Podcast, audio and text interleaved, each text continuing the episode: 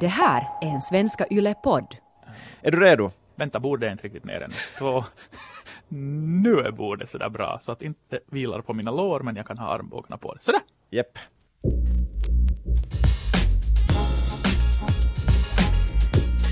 Hej och välkomna till Yle Sportens podd avsnitt 53, det vill säga Casey Sisikas avsnittet Let's Go Islanders, då fick jag sagt det också. Vi som pladdrar på är som vanligt yours truly, Chris Vuojärvi och Ah, jag! Vem fan är Casey Sisika? äh, center i New York Islanders, underskattad sådan. Sen när? Alltså just nu? Må, ja, nu, just nu och i, i många herrans år, så att uh, hur var det med det där NHL-intresset? Otroligt dåligt uppenbarligen, men jag Där. försökte också Ja, kolla ja, jag sådär liksom på, på det. 50, 53 år och inte fanns det någonting uppenbart. Liksom, Nej, eh, jag har min fetisch för New York Islanders och så vidare. Men hej, det är den 8 april. Det betyder att Twin Peaks hade premiär för 28 år sedan. Margaret Thatcher gick bort för exakt sex år sedan. Det om det. Nu tycker jag att vi sparkar igång på allvar.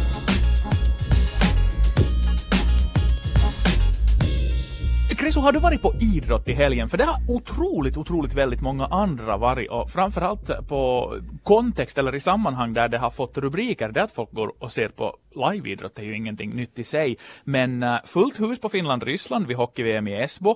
Eh, över 25 000 personer på Sverige-Tyskland på Friends Arena. Det här är saker som poppar upp, inte bara liksom sådär sporadiskt i flödena, utan som verkligen liksom rapporteras vitt och brett förstås fotbollen i Sverige, ishockeyn i Finland. Eh, your take, som de säger i England. Mm.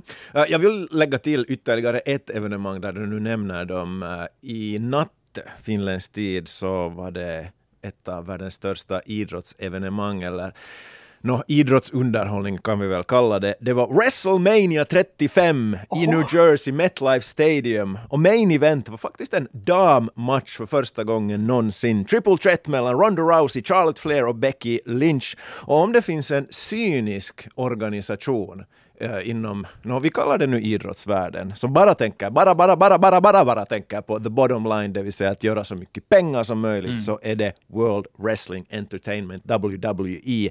Så där i WWE så, så ansåg man att man bäst säljer pay-per-view-biljetter, biljetter till ort och ställe, MetLife Stadium, så genom att ha kvinnor i huvudmatchen. Så att, så att bara för att befästa det vad du inledde med, så det händer saker och ting som är intressanta.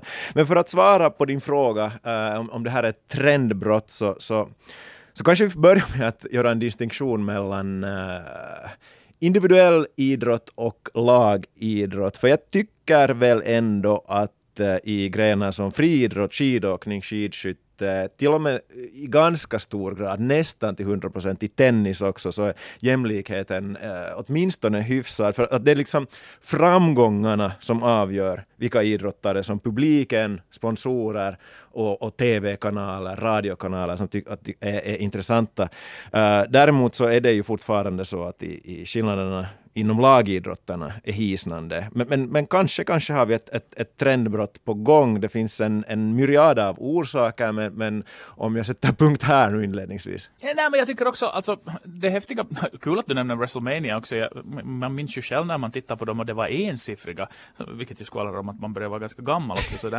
Men, men, men, men det häftiga är ju, precis som du säger, skillnaden mellan lagidrott och, och individuell idrott, att, att man, man behöver inte tänka i de termerna när det till exempel ordnas ett skidskytteveckor skidskytte-veckoslut i Tyskland, så är det fullt ös morgon till kväll och produkten är lika bra oberoende och, och så kommer man in på den där diskussionen att vad som intresserar publiken. Men det som uppenbarligen har skett är i det hockeytokiga Finland, vilket ju gläder mig, är att det är ishockeyturnering, världsmästerskap, det är på hemmaplan, det är huvudstadsregionen och det lockar folk. Det känns också som på något sätt som att Esbo är en ganska passligt stor arena för att ordna det där mästerskapet i. Jag vet inte om det handlar om att Jokerit hade förväntat sig att de skulle gå jättelångt till KHL eller om det är några hästar eller Cirque du Soleil eller vad det då må vara. Men att, att det känns som att, att den där turneringens placering här är optimal. Det här är ju också en situation med placering av matcher i Sverige som ju också utgör ett trendbrott, det vill säga traditionellt här har man haft en öst-väst distinktion att Herrarna har spelat i Stockholm, damerna har spelat i Göteborg. Så skall det alltid vara, men inte längre. Och nu när man svängde på den här steken och gjorde en, en, en bra plan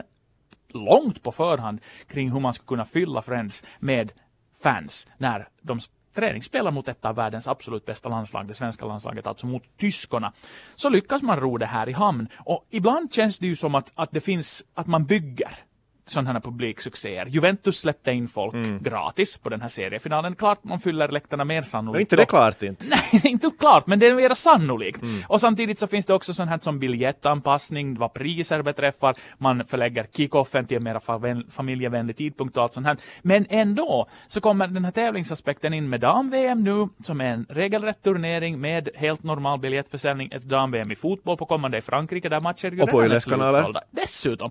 Så att, att liksom Någonting, någonting, någonting håller nog definitivt på att hända och det är ju otroligt roligt att, att se att, att den, den noteras i, i, i alla former av medieflöden för att jag menar, det är ju inte jag menar, det här är ju manifestationer på någonting som måste och har varit igång på väldigt länge. Håller du med? Det vill säga att det här är liksom sån här, det här är liksom det, det synliga slutresultatet av någonting som ju har igångsatts väldigt mycket tidigare.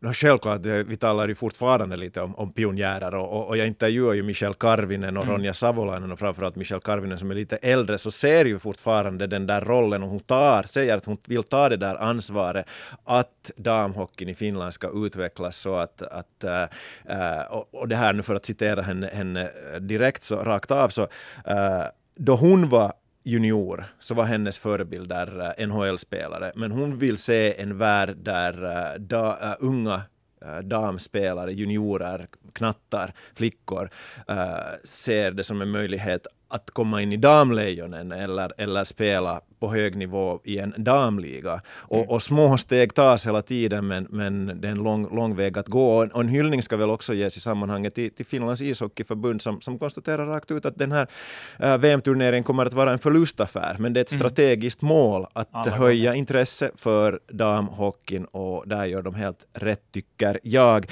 Uh, sen det där, uh, jag tycker det finns ett par orsaker till att, att vi ser nu en höjning, en, en, en acceleration av intresset för också de här uh, lagsporterna på damsidan. För det första så, så jag tycker vi som, som samhälle har förändrats. Uh, det, det är i generationer redan så har uh, flickor, damer spelat lagidrotter och, och i och med att det, det blir normen så tror jag väl att tröskeln att gå och heja på, framförallt landslagen då det kommer till VM och så vidare, så, så, så sänks. Sen har vi också herrspelare. Tim Sparv tycker jag att det det mest klockrena exemplet som går i bräschen för landslagskollegorna Helmarit och på det sättet höjer medvetande och, och, och, och vill skapa en mer jämlik värld. Men, men för det andra så, så är det ju storföretagen. De, har märkt att det finns potential i damerna helt enkelt. Ja. Och, och till storföretagen i det här sammanhanget så räknar jag då de här jättarna i fotbollsvärlden till exempel, Man City, Bayern München, eh, Juventus, Det är ju eh, mera Barcelona. företag än fotbollslag Ja, precis. egentligen. Ja, så, så, så de ser satsningar på damlag som en möjlighet att, att eh, bredda på supporterbasen.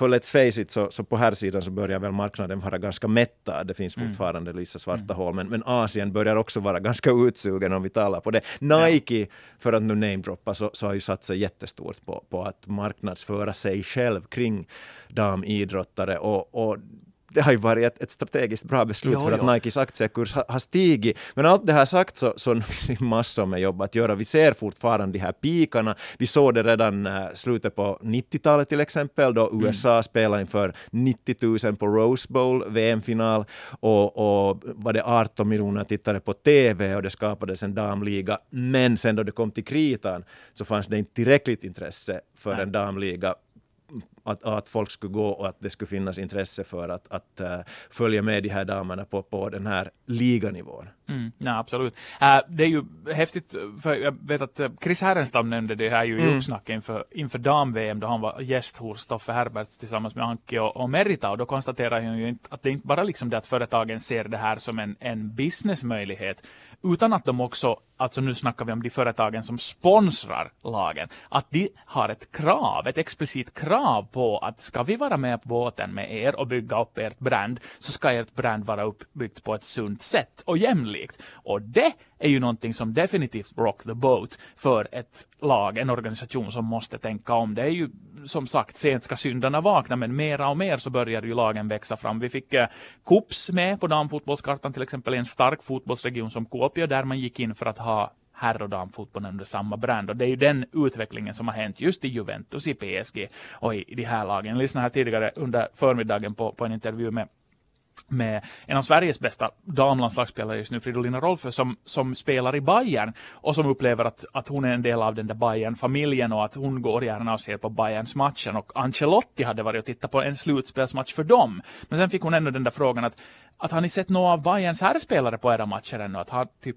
Robben eller Lewandowski varit där på läktaren? Så, att, så, så då var svaret att nej, Nej, det har nog inte hänt. Men liksom mera och mera går mm. vi i den riktningen att, att det, liksom, det finns en enighet och uh, det finns inte ens nödvändigtvis till exempel skilda social media-konton längre. Även om det också kan man argumentera har sin fördel att hålla de här sakerna skilda för att den som vill ha information om det ena kanske inte är intresserad helt enkelt av att, att, att få information av den andra. Men harmoniseringen finns där och, och det är ju himla roligt. Och det som också sker på det globala planet var det att jag kollar bara för skojs skull här, dam-VM bakom knuten nu men vi har ju sen ett, ett nytt VM på kommande om fyra år igen och det är redan nio nationer, eller de heter ju bids, det vill säga mm. nio olika anbud på att ordna det här. Och det, det är liksom Argentina, Australien, Bolivia, Brasilien, Colombia, Japan, de båda Koreorna, Nya Zeeland och Sydafrika som vill ha den här numera 24 damlandslag starka fotbollsfesten till sitt land. Mm. Och det är ingen liten turnering längre. Det, liksom, det, går inte att ordna på hemskt små,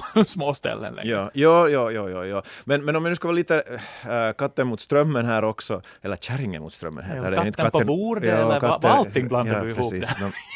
Allt möjligt, det, det, är väl helt vanligt för de som lyssnar regelbundet. Men hej, alltså, äh, nu, nu har vi ju talat jätte i, i, i positiva toner om att någonting är på gång, men nu är det ju en lång väg att gå ännu. Här i, i Finland så, så, har vi sneglat och talat mycket om att Luleå Hockeys damer och, och deras mm. fina publiksiffror och framförallt i, i slutspel och inte minst då i finalserien. Men, men jag kunde inte låta bli att titta på publiksnittet i SDHL, den, den svenska damligan i ishockey.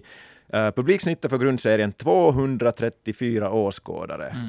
Och, och i damallsvenskan i fotboll så tusen åskådare på, per uh, match, alltså långt före den finska damligan, men ja. inte det nu så sjukt imponerande. Att, att, fortfarande så finns det jobb att göra och här är väl den stora frågan att, att hur lockar de här som går till Friends Arena eller gå på dam-VM i ishockey här i Esbo, att sen också gå uh, och kolla på den här, någon vi nu fullt kallar den vardagslunken, det vill ja. säga på, ja, ja. På, på, på, klubbnivå. Och där är de där stora stegen fortfarande de har helt enkelt inte, inte tagits än och vad som ska göras så det är ju jättesvårt och mm. jag tror att det är klokare hjärnor än våra två som funderar på de här sakerna. Ja, och, nej, och det finns ju, jag menar, det, det sker ju en utveckling också på, på, på fronten med registrerade spelare. Nu fick jag här under morgonen bara tag på siffror från 2017 och ville titta på det, vad det där förhållande är mellan herr och damspelare och flick och pojkspelare. Det vill säga om man tittar på siffrorna 2017 och de registrerade spelarna för Finlands bollförbund så är de dryga 140 000 uh, och där bland seniorspelare, alltså damer och herrar, är förhållandet en damspelare, fem herrspelare, men bland flickor och pojkar så är det en flicka på tre pojkar. Det vill säga att, att de aktiva, de som utövar sporten, ökar hela tiden också bland flickorna och det är där som bollförbundet gör stora framsteg och också hoppeligen förstår att satsa de där pengarna för att just att, att svänga den där kulturen, att man går och ser det lokala laget spela oberoende av vem det är. Och mm. där är det ju ett, stort ansvar också på, på oss som föräldrar att föra traditioner ja, ja. vidare. Jag pratar till exempel men det här är en ganska intressant diskussion. Min, min tioåring har ju rummet helt indrept med planscher från tidningen Goal. Och jag håller ögonen på den där tidningen och väntar ut dem. Att när får jag den första planschen på en kvinnlig spelare i den tidningen. När mm. kommer den så att vi får upp den på väggen? Uh, och så diskuterar jag också att hej, att i sommar får vi sen se på VM igen att pappa ska referera och allt det här. Och så var han som säger att, att pappa, det är inte så roligt att se på damfotboll. Alltså bara som så att oj, att, att att hur ska... Att nu är det, nu är det liksom, vad är problemet? Är det liksom, kommer det någonting väldigt sådär hemskt som man har fått höra någonstans ifrån om att det är skit och inte kan spela. Men problemet för honom var bara att kun mä en tunne niitä pelaajia. Mm. Och då var jag som sådär, men lyckas i världen att det här är ju ett lättlöst problem. Att här får vi ju alla tider chans att med ett dam-VM i den där mottagliga fotbollsintresseåldern faktiskt få se stjärnorna in action. Och det, det är liksom ett jättelitet problem.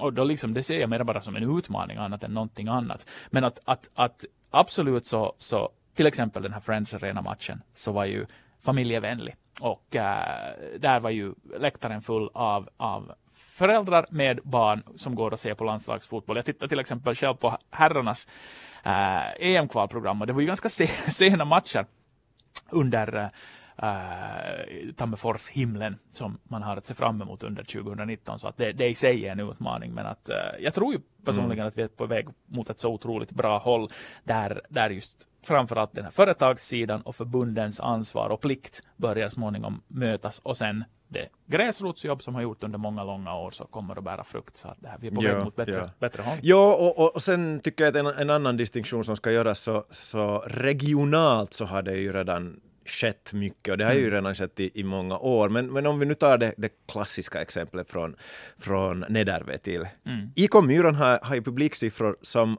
i princip väl ungefär alla andra ligalag eller alla damlag i fotboll i Finland skulle avundas. Mm. För att det är en stor regional grej. Mm. PSS damer... Det är ju alltså inte går bra regionalt in, utan det är liksom på detaljnivå, det är byns ja, angelägenhet ja, och sen lockar ja, Men ja. ja, det är ett fenomen. Mm, PSS damer mm. i innebandy i Borgå så, så är i, förhållandevis stora i Borgo för att de når framgångar och någonstans är det ju där som pudelns kärna också är att, mm. att, att uh, framgångar är nog en, en viktig ingrediens i det hela. Ja, ja, ja. Att, att uh, det är bara de närmast sörjande som oftast går och tittar. Men, men om vi talar om storstäder så, så det här är ett problem också som andra uh, mindre lagidrotter har på alla nivåer. Ja. Innebandy, uh, säkert volleyboll utanför förorter som, som mm. Salo och så vidare och, och, och futsal och så vidare. Ja, så det ja. är svårt då, då konkurrensen om, om folks tid är så brutal. Och sen kommer vi ju till det där som, som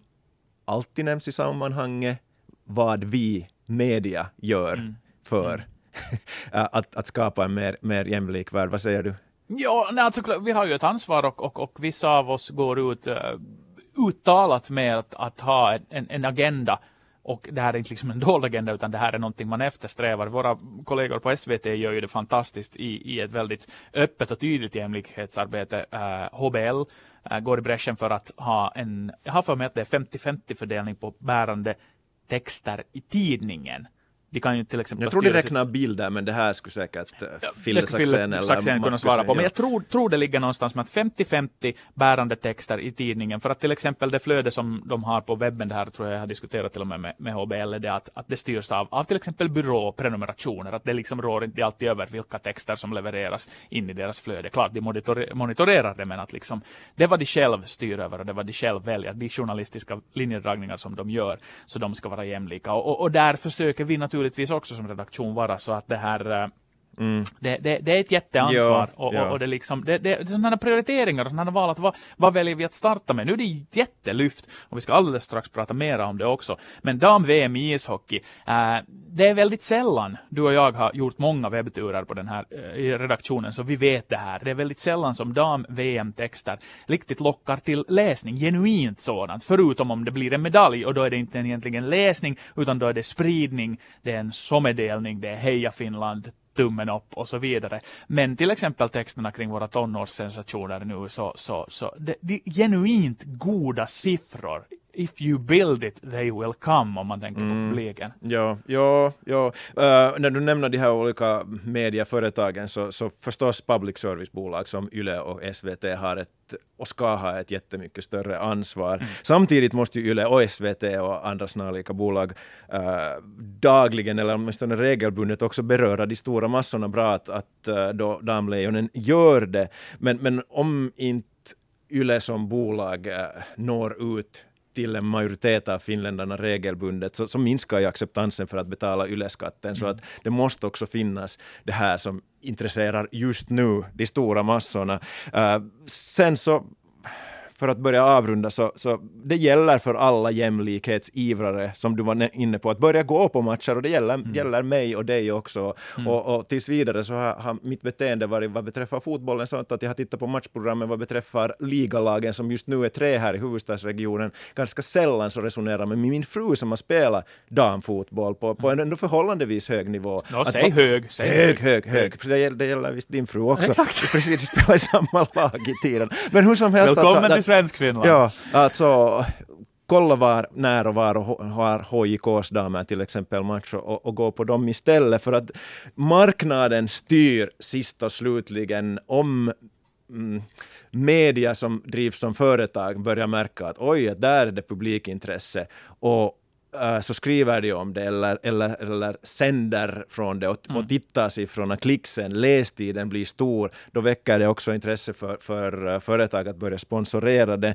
Men, men, men det är ju jätte jättesvårt det här, för, för uh, det här ska jag avsluta med. Alltså Ada Hegerberg, den bäst betalda damspelaren i fotboll, det här kablades ut på många håll, förtjänar 0, var det 3 procent eller 0,03 procent av vad Lionel Messi gör, det vill säga en bråkdel oberoende, en spottstyver av Messis lön. Och det är lätt att vara upprörd på det här, men, men hur ska man lösa det här på sikt? Ska herrlagen börja sponsorera damerna. Mm. Som, gör, man ju, som man ju i Norge. Mm, men hur gör man det i praktiken mm. om inte ett herrlag har ett damlag? Ska det bli att de betalar någon form av skatt till förbundet som sen mm. administreras till damlagen? Hur långt ner i, i hierarkin i, i serienivån går man? Och det blir administration med ett sånt här system. Och, ja. och och, och hur, hur, kollar man att de här pengarna man samlar in går till till exempel just de öronmärkta lönerna? Jag, jag, vet inte, det här är jättesvårt. Och sen kommer vi avslutningsvis till, till hur resonerar vi kring handikappidrott? Varför mm. inte junioridrott? Var drar vi gränsen Exakt. till en om, eventuell omfördelning av resurserna? Så att, så att eh, jag har inte de här svaren, men, men bara sådär att eh, som, som äh, ett upprop till våra eventuella lyssnare. Kommentera till exempel på, på, eftersom vi skriver artiklar på detta också, att, att hur ni ser att det här skulle kunna lösas på ett, på ett bra och jämlikt sätt.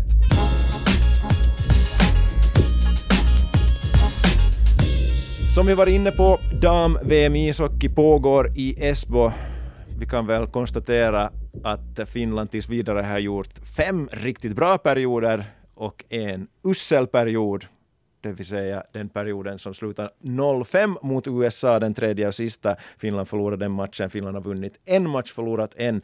Antti, hur bedömer du läget just nu för Pasi Mustonens lag? Mm, det är väl egentligen det står inte och faller åt något håll för mig ännu, det vill säga äh, att man ska slå Ryssland, det, det, det, det hör till, äh, så det hade jag räknat med. Äh, att det sen var lite trögflytande i några perioder berodde ju förstås på en fantastisk ryska i målet där, men det, jag är lite kluven ännu till den här USA-matchen, jag var på jobb och bevakade den och, och, och följde den ganska, ganska noggrant där och, och, och såg ju så otroligt mycket bra i de där två första perioderna. Men, men det kändes ändå som att det där kollapset kom som ett brev på posten när man, när man betänker det där snacket, också som till exempel Anki, äh, Anki Karhu och expertkommentator Merita Brun i, i, i båset, liksom måste lite gnugga öronen och konstatera att det här, det här, är, det här är för bra för att vara sant. Vad är det som händer? Vad är det, vad är det som, som, som riktigt sker? Och samtidigt var ju snacket inför turneringen att det här är det bästa landslaget Finland någonsin har haft på benen. Och då var min tes liksom sådär med att det är ju det som sker! Det vill säga att, att vi är där nu. Och jag vet inte vad som hände i liksom omklädningsrummet inför den tredje perioden. Det sades ju nog från spelarmun också att man fokuserade bara på att hålla ihop det. Men, men, men jag vet inte om det var ett uskoloppui. Och sen, mm. sen såg det ju bara liksom pinsamt dåligt ut tidvis. Det blev sånt okaraktäristiskt dåligt slarv, äh, energifattigt och helt enkelt man tappade tron på det man sysslar med. Det man trodde på i två perioder så glömde man att tro på i den tredje. Så att äh, för mig, äh, inte heller Schweiz ännu den riktiga mätaren. Och så blir ju slutspelsträdet sådant att vi yeah. troligtvis stöter på USA igen. Så att det här, det, det, är nog, det är tufft, det är tufft. Den, den där semifinalen blir ju nog sen make or break. Ja, no, men så är det ju. Och, och Pasi Mustonen alltså, som ju redan har varit i, är det fyra, fem år, mm. uh, förbundskapten för damlejonen, han har ju sagt varje år att nu har Finland det världen, eller bästa landslaget någonsin. Och det må hända att det är sant, och det, sannolikt till och med att det är sant, men det blir lite så där vargen kommer, vargen kommer över mm. det hela. Att, jaha, nu säger han det igen. Att, att, Rogges best games ever. uh, sa han det? För det var väl samma ranch som, som alltid hade det Jo, i och för sig. Sen hade det blivit reviderat. Ja, det var väl, ja. något OS var väl kanske ja. häremellan inte så bra. ja, jag, jag var på, på den här uh, första uh, träningen för damlandslaget i Esbo Arenan. Det var, det var öppet för, för media och, mm. och det intressanta som jag tyckte som, som var i ögonen fallande, men när jag väntade på att de finländska spelarna skulle komma till den här mixade zonen, intervjuzonen, så började USAs damer träna. Mm. Och I hate to break it, men nu är det en skillnad fortfarande och den är ganska stor. Mm. Att Finland har de där enstaka spelarna, Jenny Hirikoski, Michel Karvinen och så vidare, så, som håller samma nivå som stjärnorna, eller som, som spelarna i USAs och Kanadas landslag. Men det finns en dropp i kvaliteten då det kommer till de här lägre kedjorna, lägre femmorna för Finlands del jämfört med Kanada och USA för att där är alla jätteduktiga. Och, och eh, om vi talar om en potentiell, förhoppningsvis sannolik semifinal där USA står för motståndet eventuellt, så vi ska kom, komma ihåg varifrån Finland startar den här turneringen. Finland har besegrat USA en gång i VM eller OS-sammanhang. Finland har besegrat Kanada en gång i en VM-turnering eller OS-turnering. Men det räcker, så ju till, det räcker ju till guld om man gör det. Så, så är det.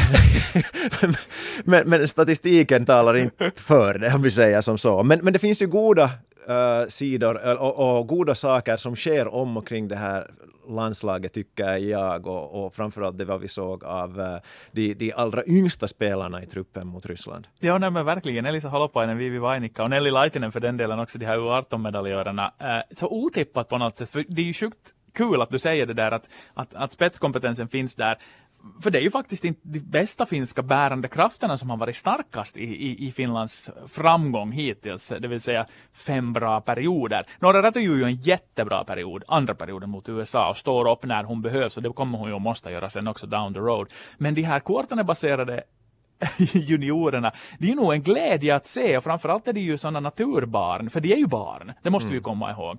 Uh, men att, att där, någonstans visar det här på, på, en viss form av kurage också från, från passimotståndaren att, att, att plocka in dem, ge det här ansvaret och låta dem frodas. För att nu går de ju, går de ju på som en naturkraft. Att, nu har de ett par matcher på sig här ännu, alltså den sista gruppspelsmatchen mot äh, Schweiz och Kanada-matcherna och sen ännu en, en rimligtvis ganska behaglig kvartsfinal före, före allvaret börjar sen igen. Ja, så att, det här, så att det ska bli spännande att se vad som sker nu när de, när de plötsligt är, är, namn på alla släppar. För att det kan ju inte låta bli att påverkas. Det är hemma-VM dessutom. Det är en ganska tuff miljö att breaka i, som 17-åring. Ja, men, men det som gläder mig i, i just de här unga finländska spelarnas äh, äh, starka sidor och, och, och som de som spelare är att, att de går och spelar på det sätt som, som ishockeyn har gått mot allt mer, det vill säga det är snabbt ishockeyn blir och har blivit allt snabbare, det ser vi framförallt i NHL och,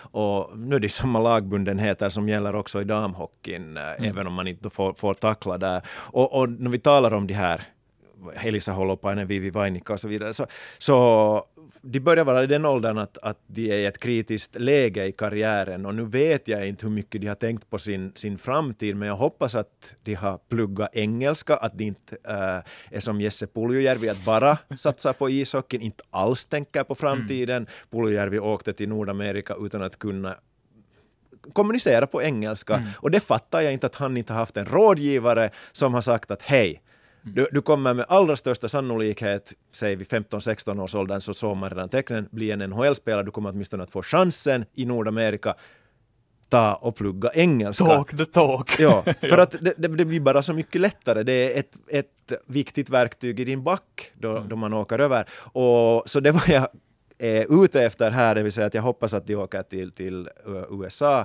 för att eh, få spela där högklassiga matcher i den amerikanska universitetsserien. Det, det är det bästa man kan göra egentligen. Det, det har ju Nora Räty till exempel har ju sagt att, att det var höjdpunkten på hennes karriär och det var det roligaste som fanns då hon var i University of Minnesota Duluth. Att, att äh, den här vägen hoppas jag är utstakad för mm. de här två. Ja, men det är den ju för att det finns ett jättetätt samarbete också mellan, mellan den här ishockeyutbildnings, de här klustret i kvartarna för damspelarna där de ju spelar sin liga ishockey också och sen via scouter och via de här eh, NCAA-människorna för att eh, ett exempel är också här från Österbotten till exempel den färska finska mästaren Nida Kuoppala är ju klar för spel spel i college. Hon åker över. Hon är 19 år gammal, så hon är några generationer före de här två, Vainikka och Laitinen och company. Men, men det är den vägen som är utstakad. Den är ju så otroligt sund också med tanke på den utbildningsbas du får därifrån och det idrottarliv du lär dig att leva när du väl kommer in i det systemet. Så det, är nog, det är nog jättebra. Jag är ju sen lite orolig för att den här, den här frenesin kan komma att gå över styr i att den här farten äh, för med sig, liksom, del, delvis förstås, som alltid bristande defensiv disciplin och sen att just i de riktigt tuffa matcherna så, så, får, så mäter vi inte ut den fulla nyttan av det. För att mot ett trögt och statiskt Ryssland så var det ju, det var ju poison för dem att kasta in de här tjejerna dit med den där energin. Ja, och de matchades ju mot den här ryska andra kedjan som är nog så väldigt tung ut i benen. Degig ut, ja, ja, absolut. Så att liksom att äh, det, det, det, det är ett otroligt viktigt genombrott för damishockeyn än en gång, fjärde VM, men nu är det liksom på allvar upp på ytan och att det då är nya fräscha unga namn som går i spetsen för den utvecklingen. Så det är ju, det är ju ekon av 2016. Det är Pujärvi, Aho, Laine, äh, men för damishockeyn och det är, ju, det är ju det fantastiskt fina här. Äh, turneringen fortsätter ju alltså. Det är ju, den här, det är ju det här som är medaljveckan, eller hur? Ja. Och Så hur, hur går det? Inte nu bara med tanke på det du sa om det här, liksom, den där ögonfallande skillnaden och den där bredden, så talar det nog för att, att det som alltid har rått kommer att råda. Det vill säga att det blir en Kanada-USA-final. Men eh, jag vill på något sätt se ett Finland som sen efter den där semifinalförlusten inte ser ut som de gjorde efter den här gruppspelsförlusten, det vill säga som resultat av ett totalt haveri, ett totalt kollaps, utan att, att vi, vi kan ge USA en fight i 60 minuter och med huvudet högt gå vidare från det och konstatera att, att antimoris maisesti, että eteenpäin on menty.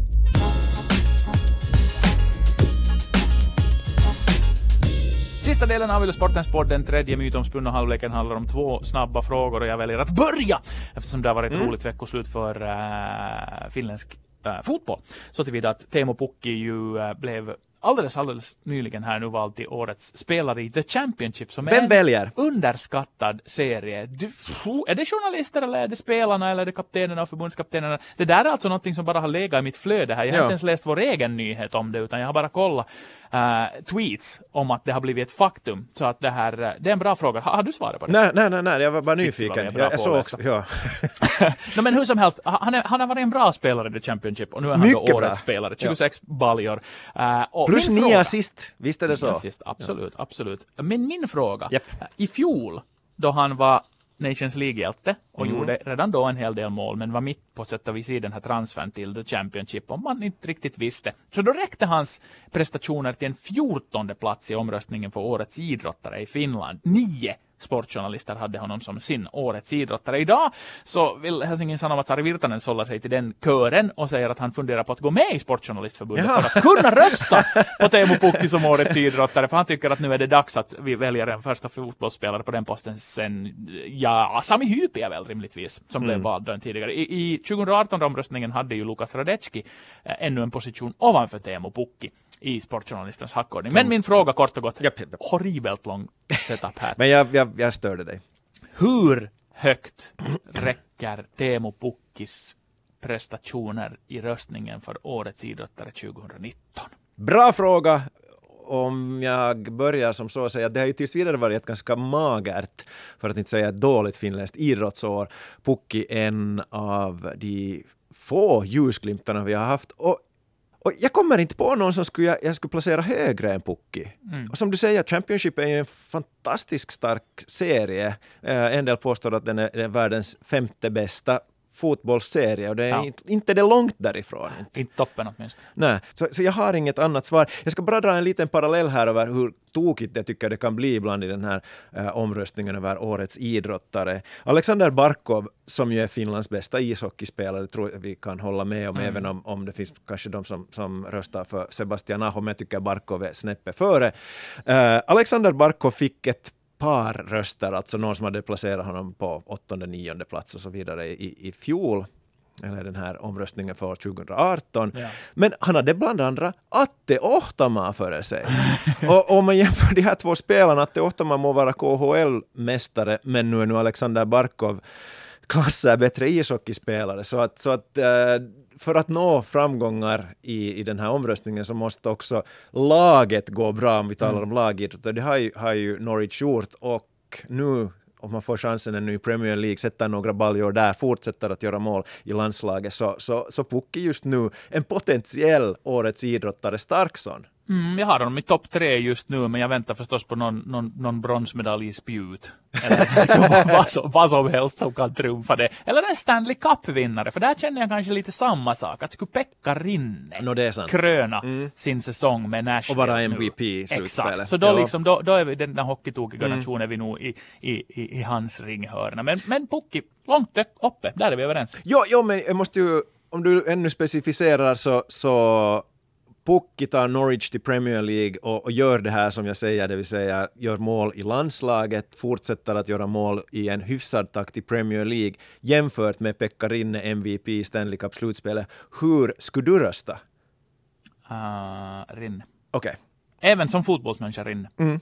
Okej, min fråga. Uh, vi har talat om uh, damidrott och framförallt lagidrotter på damsidan i den här podden. Så jag avrundar kring samma tema och frågan lyder Vem är Finlands bästa kvinnliga lagidrottare genom tiderna? Mm. Det, var, det, var en, det fick mig att fundera en del, men, men jag stannade ju förstås vid två, två huvudsakliga mm. grenspår kände någonstans att jag gärna skulle ha lyft upp Nora Rätys roll som förebild och hennes prestationer. Uh, men, men hoppade sen ändå över till fotbollen och, och där blev det också en two horse race mellan en Laura och en Anne i mina ögon. Två idrottare som jag hade glädjen att följa ganska nära intill under deras EM-äventyr i början och mitten av 00-talet. Men jag faller ändå där för Anne Mäkinen för hon, hon, hon, har stannat kvar inom grenen och är en, en sån otroligt ikonisk figur för finländsk damfotboll. Kanske inte den där stora rubrikernas kvinna men, men, men för damfotbollsspelare och, och damfotbollen i Finland så har hennes betydelse varit så massiv och hon har spelat överallt var man spelade på den tiden i damfotboll, det vill säga hon, hon reste, gjorde resan runt och, och bidrog på så många plan. Så för mig är det Anne Mäkinen. Du då? Mm. Uh, jag har faktiskt fyra namn som jag sålla fram i olika grenar. Laura Kalmari hade jag mm. faktiskt snäppet före Anne Mäkinen med tanke på hur bra hon var då hon var som bäst för Umeå IK. Hon... Tänk var hon skulle kunna vara idag! ja, precis. Champions League mm. Mm. Uh, sen från ishockeyn så har jag inte några rätt utan jag har Rika Sallinen, mm. ex Välilä, ex Nieminen med tanke på det hon har gjort i decennier. Ja. Uh, sen med lite inom parentes, och det Katja Nyberg, handboll, ah, OS-mästare. Ja. Men i och med att hon tog det här OS-guldet eh, med Norge så, så ratar jag henne. Men, men det som jag sist och slutligen föll på och, och, och väljer är basket och Lea Hakala. Ah. Att, att dambasketen eh, på 80 och 90-talet var förhållandevis stor i Spanien där hon höll till ganska många, många år och så hur suverän hon var ännu som, hon var liksom eh, Rika Sallinen och basketen redan ett par årtionden före. Ja. Och, och Lea Hakala, hon var så bra så länge så jag tycker att, att jag inte kan förbise henne. Okej, okay. bra val där. Mm. Hej, vi, vi börjar vara i hamn. Det är vi. Uh, avsnitt 53 packat och klart. Uh, hashtag Ylesportens podd med 2D som vanligt gäller och arenan iTunes och Spotify om ni vill lyssna på oss om och om och om igen.